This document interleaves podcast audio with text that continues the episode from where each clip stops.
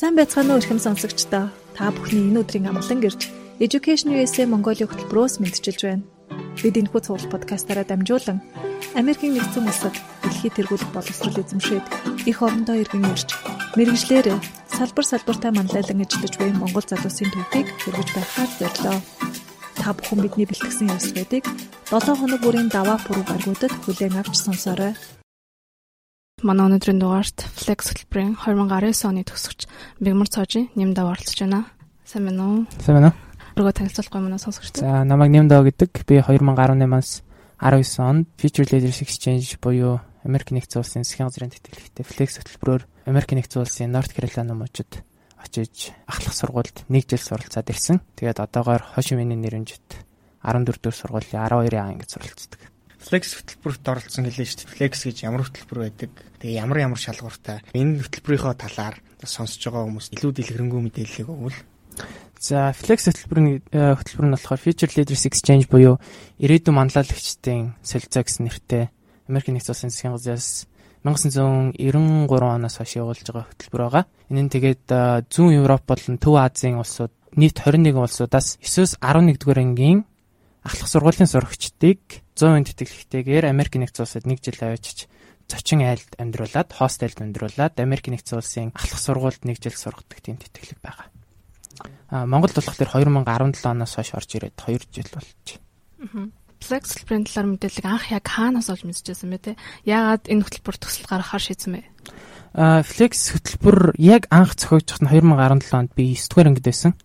Тэгээд манай багш нар тэрийг мэдсэн байсан. Ерөнхийдөө эхний удаа туршилт маягаар яг Улаанбаатар Эрдэнэ хотоодаас хүүхэд авсан.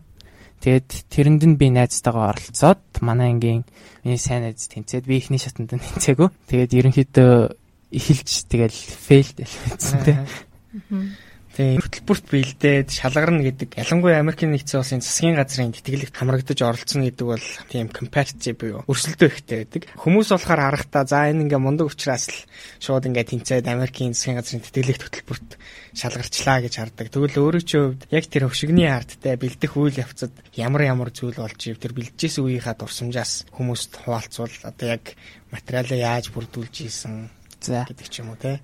Flex хөтөлбөр нь 3 хүн шаттай ерөнхийдөө. А эхний удаагийнх дээр нь эхний хоёр шатыг нийлүүлээд авч ирсэн. Англи хэлний нэг тест аваад тэгээд англи хэл дээр эсэ бичүүлж авч ирсэн.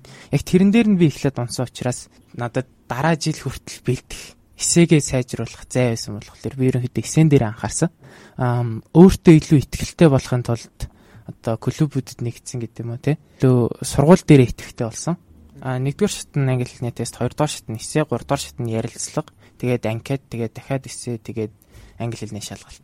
3 дахь шат нь хамгийн урт нь.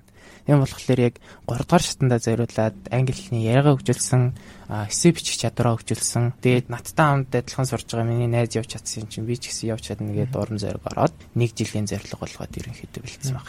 Англи хэлний шалгалт гэж ярьлаа шүү дээ. Англи хэлний шалгалт нь IBT IELTS байдгүй эсвэл одоо яг ямар хөө зарчмаар явдаг вэ? Гурван шаттай гэхэлэр эхний шатанд зүгээр энгийн англи хэлний тест орж ирдэг. Flex-ийн шалгуур бол ерөнхийдөө 50-аас бага хувь нь англи хэлэн дээр тулгуурласан. Үлдсэн бусад хүүхдийн орчин шинэ орчинд зохицож чадах чадвар тэгээд одоо идэвхтэй байгаа байдлаас нь хувийн зан чанараас нь харж байгаа сонгодог. Тийм болохоор шалгалт нь бол IELTS TOEFL-тай адилхан хүнд бол биш. Бага хэмжээний дунд дундаас дээгүр мэдлэгтэй хүүхдүүд бол ерөнхийдөө орчиж болох үс. Тэгээд эсэн дээр өөрийнх нь санааг мэдрүүлдэг багтлал хүмүүст ойлголдог баг. Flex хөтөлбөрийн одоо шалгуулалтын шатуудыг сайн ярьсан шүү дээ тий. Аль нь илүү хүнд хэцүү санагдсан бэ? Flex хөтөлбөрийн шалгалт надад бол эхлээд угаасаа эсэн хүнд санагдчихсан. Тэгээд ерөнхийдөө яг сайн судлаад үзэхэд би яг тэр жил явах цаанаас 3 дугаар шат нь хамгийн урт гэдгийг нийцсэн. 3 дугаар шат нь ярилцлагатай ярилцлага нь нүүр тулсан ярилцлага. А монголоор ч гэж бол англиар ярьж болно. А тэгээд маш тийм их анкет өгнө айгуу зузаан. Тэрэн дээр айгуу их мэдээлэл бөглөн, захиа бичнэ, янз янзын юм. Тэгээд дахиад илүү хөндрүүлсэн англи хэлний тест байгаа. Гэхдээ энэ нь яг тийм advanced төвшнийх бол биш зүгээр яг юм academic мэдлэгээр хүүхдүүдийг шалгасан тест байгаа. Тэгээд дахиад урт болгосон хэсэг. Тэгэхээр 3 дахь шат нь хамгийн урт учраас яг цагаа бариад анкетаа зөв бөглөөд ярилцлаганда сандрахгүй ороод чөлөөтэй байгаа гэх юм бол болох байхаа. Тийм. Тэгээ чи сая ярьлаа шүү дээ. Эхний жилээ аа найз тэнцээд би тэнцсэнгүй. Фейлдсэн гэд. Тэгвэл одоо ингээд тэтгэлэг тэнцээд оролцсны дараагаар яг энэ хөтөлбөрт хамрагдах гэж байгаа хүмүүс юун дээр их алдаад байдгийн юм шиг санагдсан бай. Чамд. За миний гаргасан алдаа бол би ерөөсөө энэ хөтөлбөрийг эхлээд айгу хайнга бэлдсэн гэж боддог байхгүй. Очоод бид гэхдээ эсэн дээрээ өөрийнхөө санаа гаргаагүй. Яг бусад хүмүүсийн эсээг ингээд цаг хурлаа бичсэн юм шиг санагддаг. Тэгэхээр хүмүүсийн гаргадаг алдаа нэгдүгээрт яг өөрийгөө зөвөр илэрхийлж чаддгүй. Бусдыг илүү дуурайгаад идэг. Эсэвч дээрээ. Хоёрдугаар гэх юм бол хүүхдүүд 3 дугаар шатанд нь тэнцчээд анкета айгу орой бөглөөд эхэлдэг байхгүй. Тэгээд анкета орой бөглөхөр тийм ихэн бичих анкет их чинь яг гол хэсэг нь байгаа шүү дээ. Тэр чинь 3 дугаар шалгуурын ярилцлагын дараагийн гол хэсэг учраас тэрийг эртгэн дуусгах хэрэгтэй гэдгийг хүмүүс ойлгодог. Тэрэн дээр одоо фото зураг авахулдаг, өөрөх амжилтуудын талаар бичдэг гэдэг ч юм уу тийм. За хөтөлбөртөө тэмцээд яг анхны мэдрэмж яг ямар байсан бэ? Тэнцэн гэдэг үггээ сонсоод рефлекс хөтөлбөрийг жил болгон 8 сар зарлалтай. Тэгээд 8 сард яг хэн орох хэвээр хэдэн сарын хэдэн төрсөн хүмүүс оролцох боломжтой гэдгийг зарлаад тэгээд ерөнхийдөө яг тухайн жилийнхаа 8 сараас флекс хөтөлбөрийн шалгуулалт эхэлж байгаа гэсэн. 9 сарын хэдэн шалгалтаа авахаа зардаад. Тэгээд 9 сартаа шалгалтаа өгөөд 9-өөс 10 сарын хугацаанд 3 шатны шалгалтаа өгөөд тэгэл үлдсэн жилдэн дандаа хүлээдэг байхгүй. Би бол хариугаа 4 сард авсан.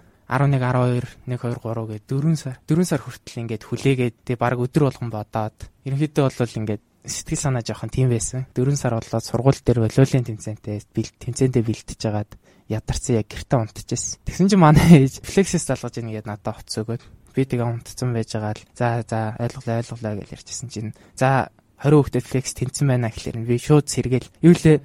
Финалист төрөлөө эсвэл альтернатив арга билүү гэсэн чинь. Финалист төрд нь тэнцлээ гэл. Тэгэл яг тэр үед баярлсан. Гэхдээ яг баярлснаасаа илүүтэйгээр ингээд тайвшраал яг ингээд хэдэн жил Эгүй хэдэн сар ингээ боо хүлээсэн юм яг амжилттай болчихж байгаа учраас яг тайвшраал. Тэгэл буцаал унтсан да. Оройн гэрийнхэнтэйгээ тэмдэглээ. Ер нь бол баяртай байсан тэгээ тайвширсан. Яг тэр тэнцэжсэн үеийн мэдрэмж бол мэдээж тийм их онцгой. Ер нь хүмүүсийн Америк руу яваад 100% тэтгэлэг аваад эсвэл хөтөлбөрт тэнцэж байгаа тэр мэдээлэл бол жинхэнэ л яг тайвширлыг мэдэрж олон жил хүлээсэн олон сар одоо цаг хугацааг зарцуулж тэрэндээ бэлдсэн учраас дараа нэг бүх юм гой болцсон юм шиг тийм мэдрэмж төрдөг гэж бас хэд хэдэн үнээс бас сонсч ийсэн. Тэгээд хөтөлбөр тэнцвчлээ. Тэнцсэний дараагаар намайг юу энэ тэтгэлэгт тэнцүүлсэн гэж ер нь чи өөрийнхөө таамагладаг. Жишээ нь одоо хүмүүс намайг би эсээгээ гоёцсон учраас recommendation letter-ээ сайн авсан учраас ч юм уу те тэнцүүлээ эсвэл олон нийтийн байгууллагын үйл ажиллагаанд оролцсон учраас тэнцүүлээ гэж ярьдаг. А тэгвэл чиний хувьд яг чамайг тэнцүүлсэн тэр гол шалтгаан нь юу байсан гэж бод. Надаа нэг хит хитэн шалтгаан байна. Юу гэж бодож ин гэхлээр эхлээд би шалгалтаа өгөөд тэгээд шалгалтандаа унаад үдцсэн чи ерөнхийдөө шалгалтаа ямар байдгийг мэдчихэж байгаа. Бус хүмүүсээс илүү туршлагатай. Тэгээд э, би бус хүмүүсээс илүү өмнө мэдчихсэн зарим хүмүүс бол 2 дугаар жилийн шалгалтын дээр орж ирэхдээ тексийг бараг 7 хоногийн өмнө мэдчихээд орж ирж байсан. Тэгэхээр надад бол бэлтгэх нэг 6 7 сарын хугацаад байсан.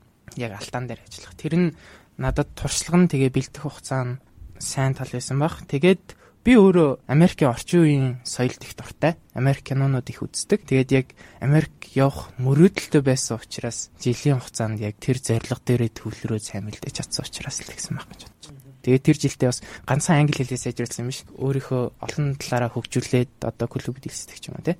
Тэгсэн учраас тэнцэн бахаа л гэж бодож байна. Америк руу явахаас өмнө одоо бэлтгүүл дээр гэсэн одоо мэдээлэл ч юм уу эсвэл одоо нөө Монголын түүх соёлоотой ач холбогдолтой дээл хувцс ч юм уу тэр Монгол сувнирууд гэдэг ч тийм тиймэрхүү зүйл ер нь бэлтгүүл зүгээр гэсэн зүгээр нэг энгийн зөвлөгөө өгвөл флекс нь соёлын солилцоо. Тэгэхээр айгүй гоё асуулт байна.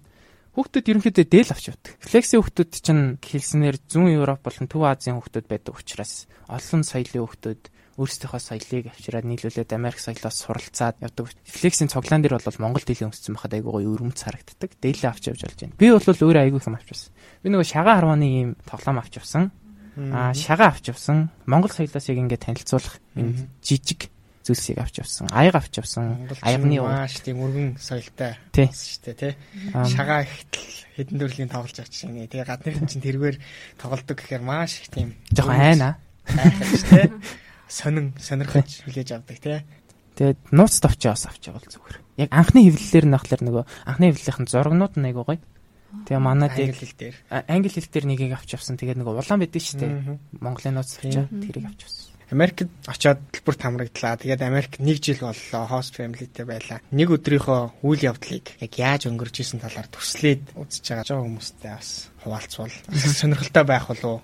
Flex хөтөлбөрийн нэр нь яг тийм өгнүүдийн товчлолч гэсэн бас flexibility буюу уян хатан байх чанарын илтгэдэг. Тэгэхээр яг очиж байгаа шинэ орчиндөө сурагчид яаж тасаж өөрийнхөө соёлыг хүмүүст тарааж явах явцдаа Америкийн соёлыг өөртөө шингээж авч байгаа талаар тийм гол зорилготой. Тэгэхээр ерөнхийдөө миний хийжсэн зүйл их юм бол ерөөсөө л хичээлдээ явна. Өглөө босоод гэрийнхэнтэйгээ ярилцсан. Ер нь манай гэрийнхэн Монголын тухай айгуу сонирч гарч асуудаг байсан. Тэгээ ерөнхийдөө За тэгэл өглөө босоод сургуультай явна. Өдөржингөө сургууль дээр байж байгаа. Сургууль дээр найзуудтай бол найзуудтай боломж гарах юм бол Монголын тухай ярина гэдэг ч юм уу тий. Тэгээд Америк соёлын тухай өөрөө суралцсан найзуудтайгаа ханг аут хийн. Тэгээд 3 цагаас гэртээ ирнэ манай хост аваач хоёр болохоор залуу хүмүүс байсан. Нэг нь 30-тай, нэг нь 28-тай хүүхэдгүү. Тэгээд тэр хоёртай нийлээд видео тоглоом тоглоно. Нохоонуудаа салхилуулна гээл тэгэл энгийн ажлууд явж байгаа л орой хоол ихтэн туслаад гэрийн одоо ажлуудаас нь баг зэрэг тусалж байгаа л. Тэгэл хаяа хаяа Монголын тухай танилцуулах шаардлага ингээд гарна. Тэнгүүт нь би өөрөө бэлтгэсэн презентацийн байдаг байсан. Тэрүүгээрээ танилцуулаад явна да. Америкт одоо нөө сургалтын систем тий Америкийн ахлах сургуулиуд хичээлийн үйл явц хөтөлбөр дуулан тий сургалтын талаар сонирхолтой. Америк сурагч нөгөө Монголын их сургуультай адилхан байдаг. Америк ахлах сургууль анги гэж байхгүй. Одоо Монголд А бүлэг Б бүлэг гэдэг байгаа шүү дээ. А анги гэж байхгүй. Тэгэхээр өөрөөсөө хичээлээ сонгоод явна. Хоёр семестртэй. Семестр болгонд дөрвөн хичээл сонгоно. Сонгох хичээл нь өөрт нь чөлөөтэй. 9-12 нь ахлах сургууль ахлах сургуультай төгсгöd яг ингээд сонгох ёстой гэсэн хичээлүүдийн цаанаас нөхцөн байдаг. Ийм хичээлийг судалсан байхад одоо ийм кредитүүдтэй байхад ахлах сургуулийг төгснө гэсэн үг. Тэгэхээр хүүхдүүд нь өөрсдийнхөө одоо пейст тааруулаад өөрсдийнхөө хурдад тааруулаад өөрсдийнхөө төвшөнд бас тааруулаад хичээлүүдээ сонгож болно. Төвшин нь болохоор энгийн honors AP гэж гурван төвшин байгаа. AP нь коллежийн кредит авдаг, honors нь гүнзгийрүүлсэн энгийн энгийн. Тэгэхээр хүүхдүүдэд бол юу боломж их байгаа. Хичээлээ яаж сонгох, дуртай юмаа сонгох. Тэгээд урдлаг спортын хувьд гэх юм бол спортын хувьд бас бүлэг гэж байхгүй юм чи сургууль дээр ямар ч өрсөлдөөн тэмцээн байхгүй. А урлагийн үзлэг гэж байхгүй. Тэгэхээр сургуулийн шигшээ гэж байгаа. Тэгээд сургуулийн шигшээ нь бас сонголттой. Хэцүү шигшээд нь орох уу, энгийн зүгээр casual тоглолтогт нь орох уу, эсвэл нөгөө баг мужийн аврахт явдаг яг сургуулийн өмнөө барьдаг шигшээ багт орох уу гэдгээс шалтгаалаад тий. Тэгэхээр энэ бүх хүмүүс спортоор хичээлж болно гэсэн үг л дээ. Тэгээд бас клубүүд нь болохоор багш нар нь өдөртөж явуулдаг. Хичээлийн дараа явагдана. Тэгээд янз янзын клуб, видео тоглоомын клуб, астрономи, өөр чин театр гэж байгаа. Театр нь хүүхдүүд нас өөрсдөө нийлж агаад гоё жүжиг тавьдаг. Ямар ч хамаагүй жүжиг. Семестрт 1 2 удаа. Тийм. Тэгэхээр ер нь ерөнхийдөө чөлөөтэй гэсэн хүүхдүүдэд яг оролцох боломжийг нь дэлгэрүүлж гэсэн яг наанаас ч нь л Америкийн нийгмийн тусал гарч ирж шít. Яг л эрх чөлөө өргөн сонголтууд байдаг.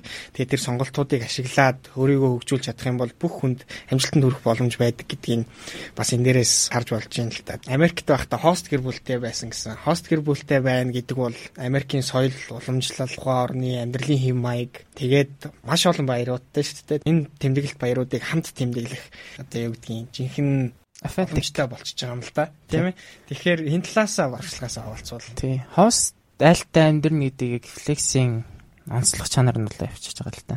Нэг яг хостелтай амьдрын гэдэг чинь first hand experience буюу яг бүх соёлыг нь яг яг Америк хүмүүс яаж тэр амьдарч байгааг нь харж байгаа гэсэн үг. Тэгээд ерөнхийдөө бол бүх баярыг тэмдэглэсэн. Талхлын баяр, зул сайран баяр, улаан өндөгний баяр. Энэчнээс яг сэтгэл үлдсэн нь болохоор зул сайран баяр байсан. Манай хост ээж хамаатнууд манай хост аав ээжийн татлынхан нь Флоридад амьдардаг байсан. Би өөрөө Норт Каролинад. Флоридын зүүн эргийнхаа хамгийн өмнөд байдаг байхгүй. Тэгээд тийшээ гэртээ шинжил тэмдэглэлгүй тийшээ аялаад тэгээд тэнцэн экватортой ойрхон болохоор амар халуун. Тэгээд тэнцэн анх удаа цасгүй шинжил тэмдэглэж идсэн.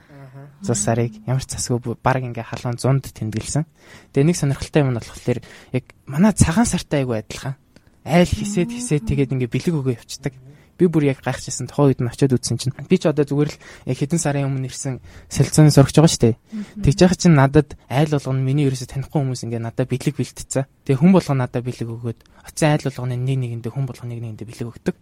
Тэгээ би яг зул сар дуусгаад амар таргалаа. Тэгээд хоёр оролт, гурван малгай, бэли мели гээл ном момтой 4 5 ийм тишерттэй болцсон буцчихсан. Тэнд сурч байгаа хугацаанд оролцчихсан сайн дурын ажил төсөл хөтөлбөрүүд байгаа юу? Тий, байгаа байгаа. Хүүхдүүдийг placement organization гэж байдаг байхгүй юу? Байрлуулах байгууллага гэдэг цааны сурагчдын нэрийг ийм хөтөлбөрүүдээс аваад мужуудад тараачна гэсэн үг. Аа template organization-уудад нэрийг хувааж өгöd тэд нар нь мужуудад ингээд. Тэгэхээр мужаа хүүхэд өөрөө сонгохгүй хост айлаа хүүхэд өөрөө сонгохгүй. Тэрийг вебсайт дээрээ тавьсан байнгут сайн дураараа байгаа хост айлууд тэрийг нь одоо энэ хүүхдийг авъя гэж сонгож авдаг. Тэр placement orientation-аас нь болохоор солилцооны сурагчдад яг эхний семестртээ хэдэн цагийн сайн дур ажил хийх ёстой, дараагийн семестрт хэдэн цагийн сайн дур ажил хийх ёстой гэсэн тогтоомж өгсөн байдаг.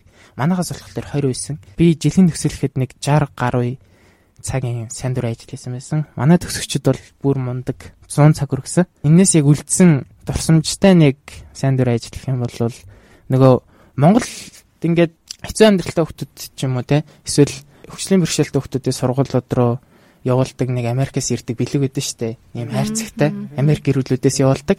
А тэр бэлгийг яг ингээд агуулгад нь очоод айгүй олон хүмүүстэй би тэр бэлгийн дотор нь яг ингээд эвдэрхээр юм байна уу эсвэл аюултай зүйл байна уу гэдгийг солиод тэрийг яг хүмүүс рүү шиплээд явуулахад нь бэлдэх тийм процессд оролцож сайн дурын ажил хийжсэн.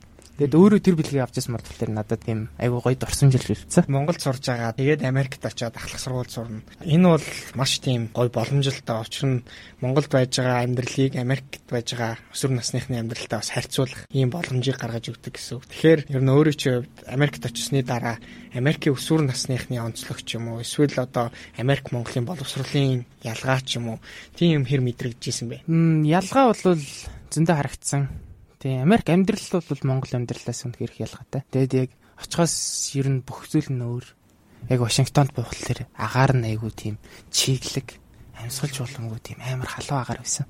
Тэгээд хүмүүс нь болохоор илүү нээлттэй. Дэлгүүрт явж байгаа л хүмүүс касан дээр ингээм ямаа хвчилдэж штэ. Тэгэл касан дээр ямаа хвчилж яхаар намайг харж яснаа. Хөөе чиний цамц чинь ямар гоё ингэнгүүт нь би юу хвчилж чадахгүй ингээл чимээгүй ямар сони ингээгээл хост аврага хараад нөгөө нэрүүгээ ингээл хараад тэгсэн чинь ерөнхийдөө нөгөө small talk гэж байдаг. Одоо яг хүмүүс ингээд тийм тэжээчэд маягийн тий. Ингээ хүмүүс тий бодож байгаа зүйлээ ингээд чөлөөтэй хэлээ явцдаг. Тэгээд баярлаа сайн байна уу гэдгийг айгүй эхэлдэг. Тэгээ ер нь тэр талаар их суралцсан байгаа. Хүмүүс нь их нээлттэй. Өөрсдөө бодлыг дагаж явдаг. Тэрийгэ дагаад Америкийн өсвөр насны хүмүүс нөгөө 16 наснда жалааны үнэлгээ авдаг байхгүй. Тэгэхээр 16 настай хүүхд өөрөө бас ажил хийж болно. Бараг 14 дэх ажил хийж болно одоо Макдоналдс тэр нь бол ахлах сургуулийн хүүхдүүд л ажилт юм л төрөө олны газарт. Тэгэхээр 16 настай хүүхдэд машин өгөөд бензин авах мөнгө өгчөөр тэр хүүхэд бол хаашаач яваа юу ч хийж болохоор болчихж байгаа байхгүй юу. Өөрийн гэсэн машинтаа болчихоор. Тэгэхээр тэр хүүхэд бол найзуудаа дагуулад явна. Өөрөө ингээд яг том хүн шиг байдаг гэх юм уу та. Айгүй эрт өөрийнх нь бие даах бүх бололцоонуудыг нь бүрдүүлээд өгчихлөөр Америк өсвөр насныхны гол ялгаа нь болохоор одоо монголчууд ч гэсэн бие даахыг хүсдэг ч гэсэн Америкчууд бүр илүү их хүсдэг. Тэгэхээр илүү их бие даасан хүмүүс байдаг. Багасаа дахлах сургуулиас ажил хийгээд сурцсан. Ахлах сургуулиас машин бариад энэ тэнүүгээр яваад ажиллаа зохицуулаад сурцсан.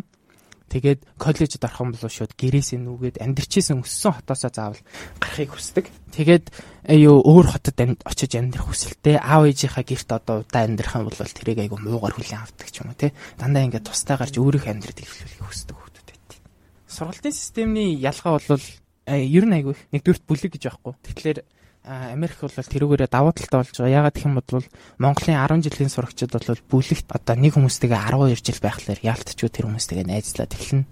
Илүү амжилтхан бодлоо. Анги өдөрцөн багш байна гэхлээр тэр багш нь бүх юм хариуцсан явчихлаар одоо туршлагагүй жинхэнэ workplace туршлагагүй болно гэсэн үг. Тэгэхээр 10 жил төгсөөд яг их сургуульд ороод ирэхлээр ангиж байхгүй өөрөө найзуудтай болох шаардлагатай болно. Өөрийнхөө багш нартай өөрөө ярилцаад өөрийнхөө асуудал шаардлагатай болно тий. Тэгэхээр ажил ч гэсэн ер нь тийм байна гэсэн үг. Нийлэх хүмүүсээ одлох, ер нь хүмүүстэй харьцах харьцаа чухал. А тийм байхад Америкийн ахлах сургуулиуд бүлэг гэж байхгүй болсноор хүүхдүүд нь сонгосон анги болгондоо одоо математик сонголоо, Америкийн төгс сонголоо, инглиш сонголоо гэхэд сонгосон англи болгондоо өөр хүүхдүүдтэй орно гэсэн. Тэгээ өөр хүүхдүүдтэй орж байгаа юм чинь шинэ найзуудтай болох шаардлага гарч байгаа. Хүмүүстэй харьцаж сурна. Анги даасан багш гэж байхгүй. Өөрөө өөрийнхөө юм өөрөө зохицуулна. Тэгэхээр арай бие даасан болж байгаа. Тэгээ илүү бие дааж юм. Тэр нь эргээд амжилтанд бас буцаагаад нөлөөлчихөж байгаа юм л да тий. Ямар зүйлийг зориод яах вэ гэдгээ өөрсдөө шийдээд бүр багасаа ажил хийгээд эхэлчихэж байгаа. Энэ дээр бас Монгол Америкийн ахлах сургуулийн хүүхдүүдийн сэтгэлгээний ялгаа бас гарч ирж байна л да. Монгол хүүхдүүд бол за хичээлдээ л явъя, хичээлээ сайн хийн л гэдэг зарчмаар явж байхад Америкийн хүүхдүүд бүр ингээд бие дагаад тэнд байгаад нь шүү дээ. Нөгөө Монголд нэг сайн тал байгаа нь академик мэдлэгээ Монгол айгүй сайн олгодог. Тэгэхээр Монгол ер нь энгийн хүмүүс бол тэнд очиод айгу ухаантай хүмүүс тооцогдно гэсэн. Тий, ер нь бол тийм амархан тий. Жишээ нь SAT өгж байгаа хүмүүс SAT-гийн математик амар амархан гэдэг. 9 дугаар ангийн 8 дугаар ангийн хүмүүсийн өгдөг шин тоо байдаг ч юм уу тий. Гэх мэтчлэн тэрэн дээрээс нь ингээд харахад бас тийм академик талтай Монгол бас сайн байдаг юм шиг санагддаг шүү. Тий. Аа. Тэгээ нөгөө түрүү нөгөө флекс хөтөлбөрийг соёлын солилцооны хөтөлбөр гэж хэлсэн шүү дээ тий. Тэр нөгөө Монголын соёлыг ил танилцуулах зорилгоор ямар нэгэн үйл явдал тепс бол арга хэмжээний хандлаар ярил. А тий. Би бол явахаас өмнө Монголын соёлыг айгүйх судалсан. Өөрөө хідэн презентацийн бэлтгэж явсан. Тэгээд яг Flex-ийн бүх сурагчдын дунд зохион байгуулдаг International Education Week тий олон улсын боловсролын 7 хоног. Тэр 7 хоногт нь хүүхдүүдийнхаа дунд ингээд заримдаа тэмцээн зарлаад хамгийн их персентаж хийсэн хүүхэд нь нэмэлэг авна гэдэг ч юм уу тий.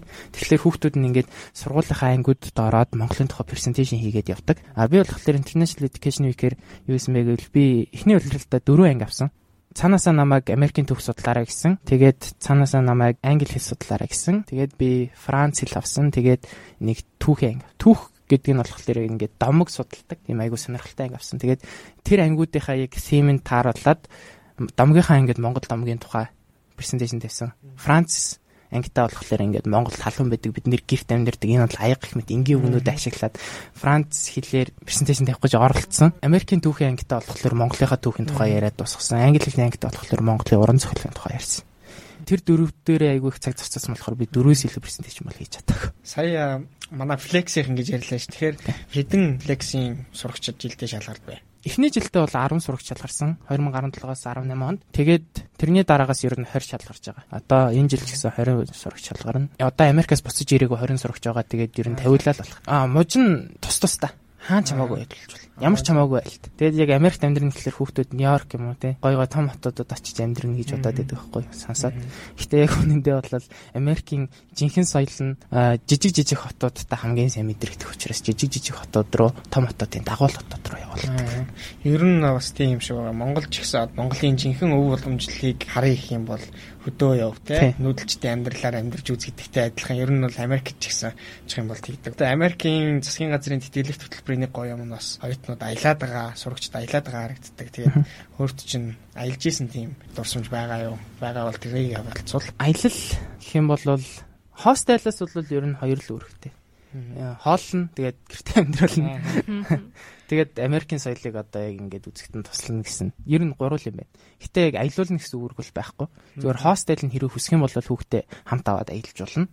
Яг аялуулах шаардлагагүй гэсэн үг л. Гэтэ манай хост авиж хоёр болохоор намайг зөндөө аялуулсан. Удаа Disney World руу явсан. Тэгээ би багаас Disneyland-д очих хүсэлтэй, тийм мөрөөдөлтэйсэн болохоор тэгээ World-д очиод нэг 3 хонсон Тэр чи айгу том юм бэлээ. Дотроо ингээд зочид буудал муудлуудтай тэнцэн очиод 3 хоноод тоглоомнууд дээр нь тоглоод явсан. Тэгэж аялахад ер нь гоё байсан. Тэгээ Flexis өөрөөс нь бас тэмцээнүүд зарладаг. Workshop-од.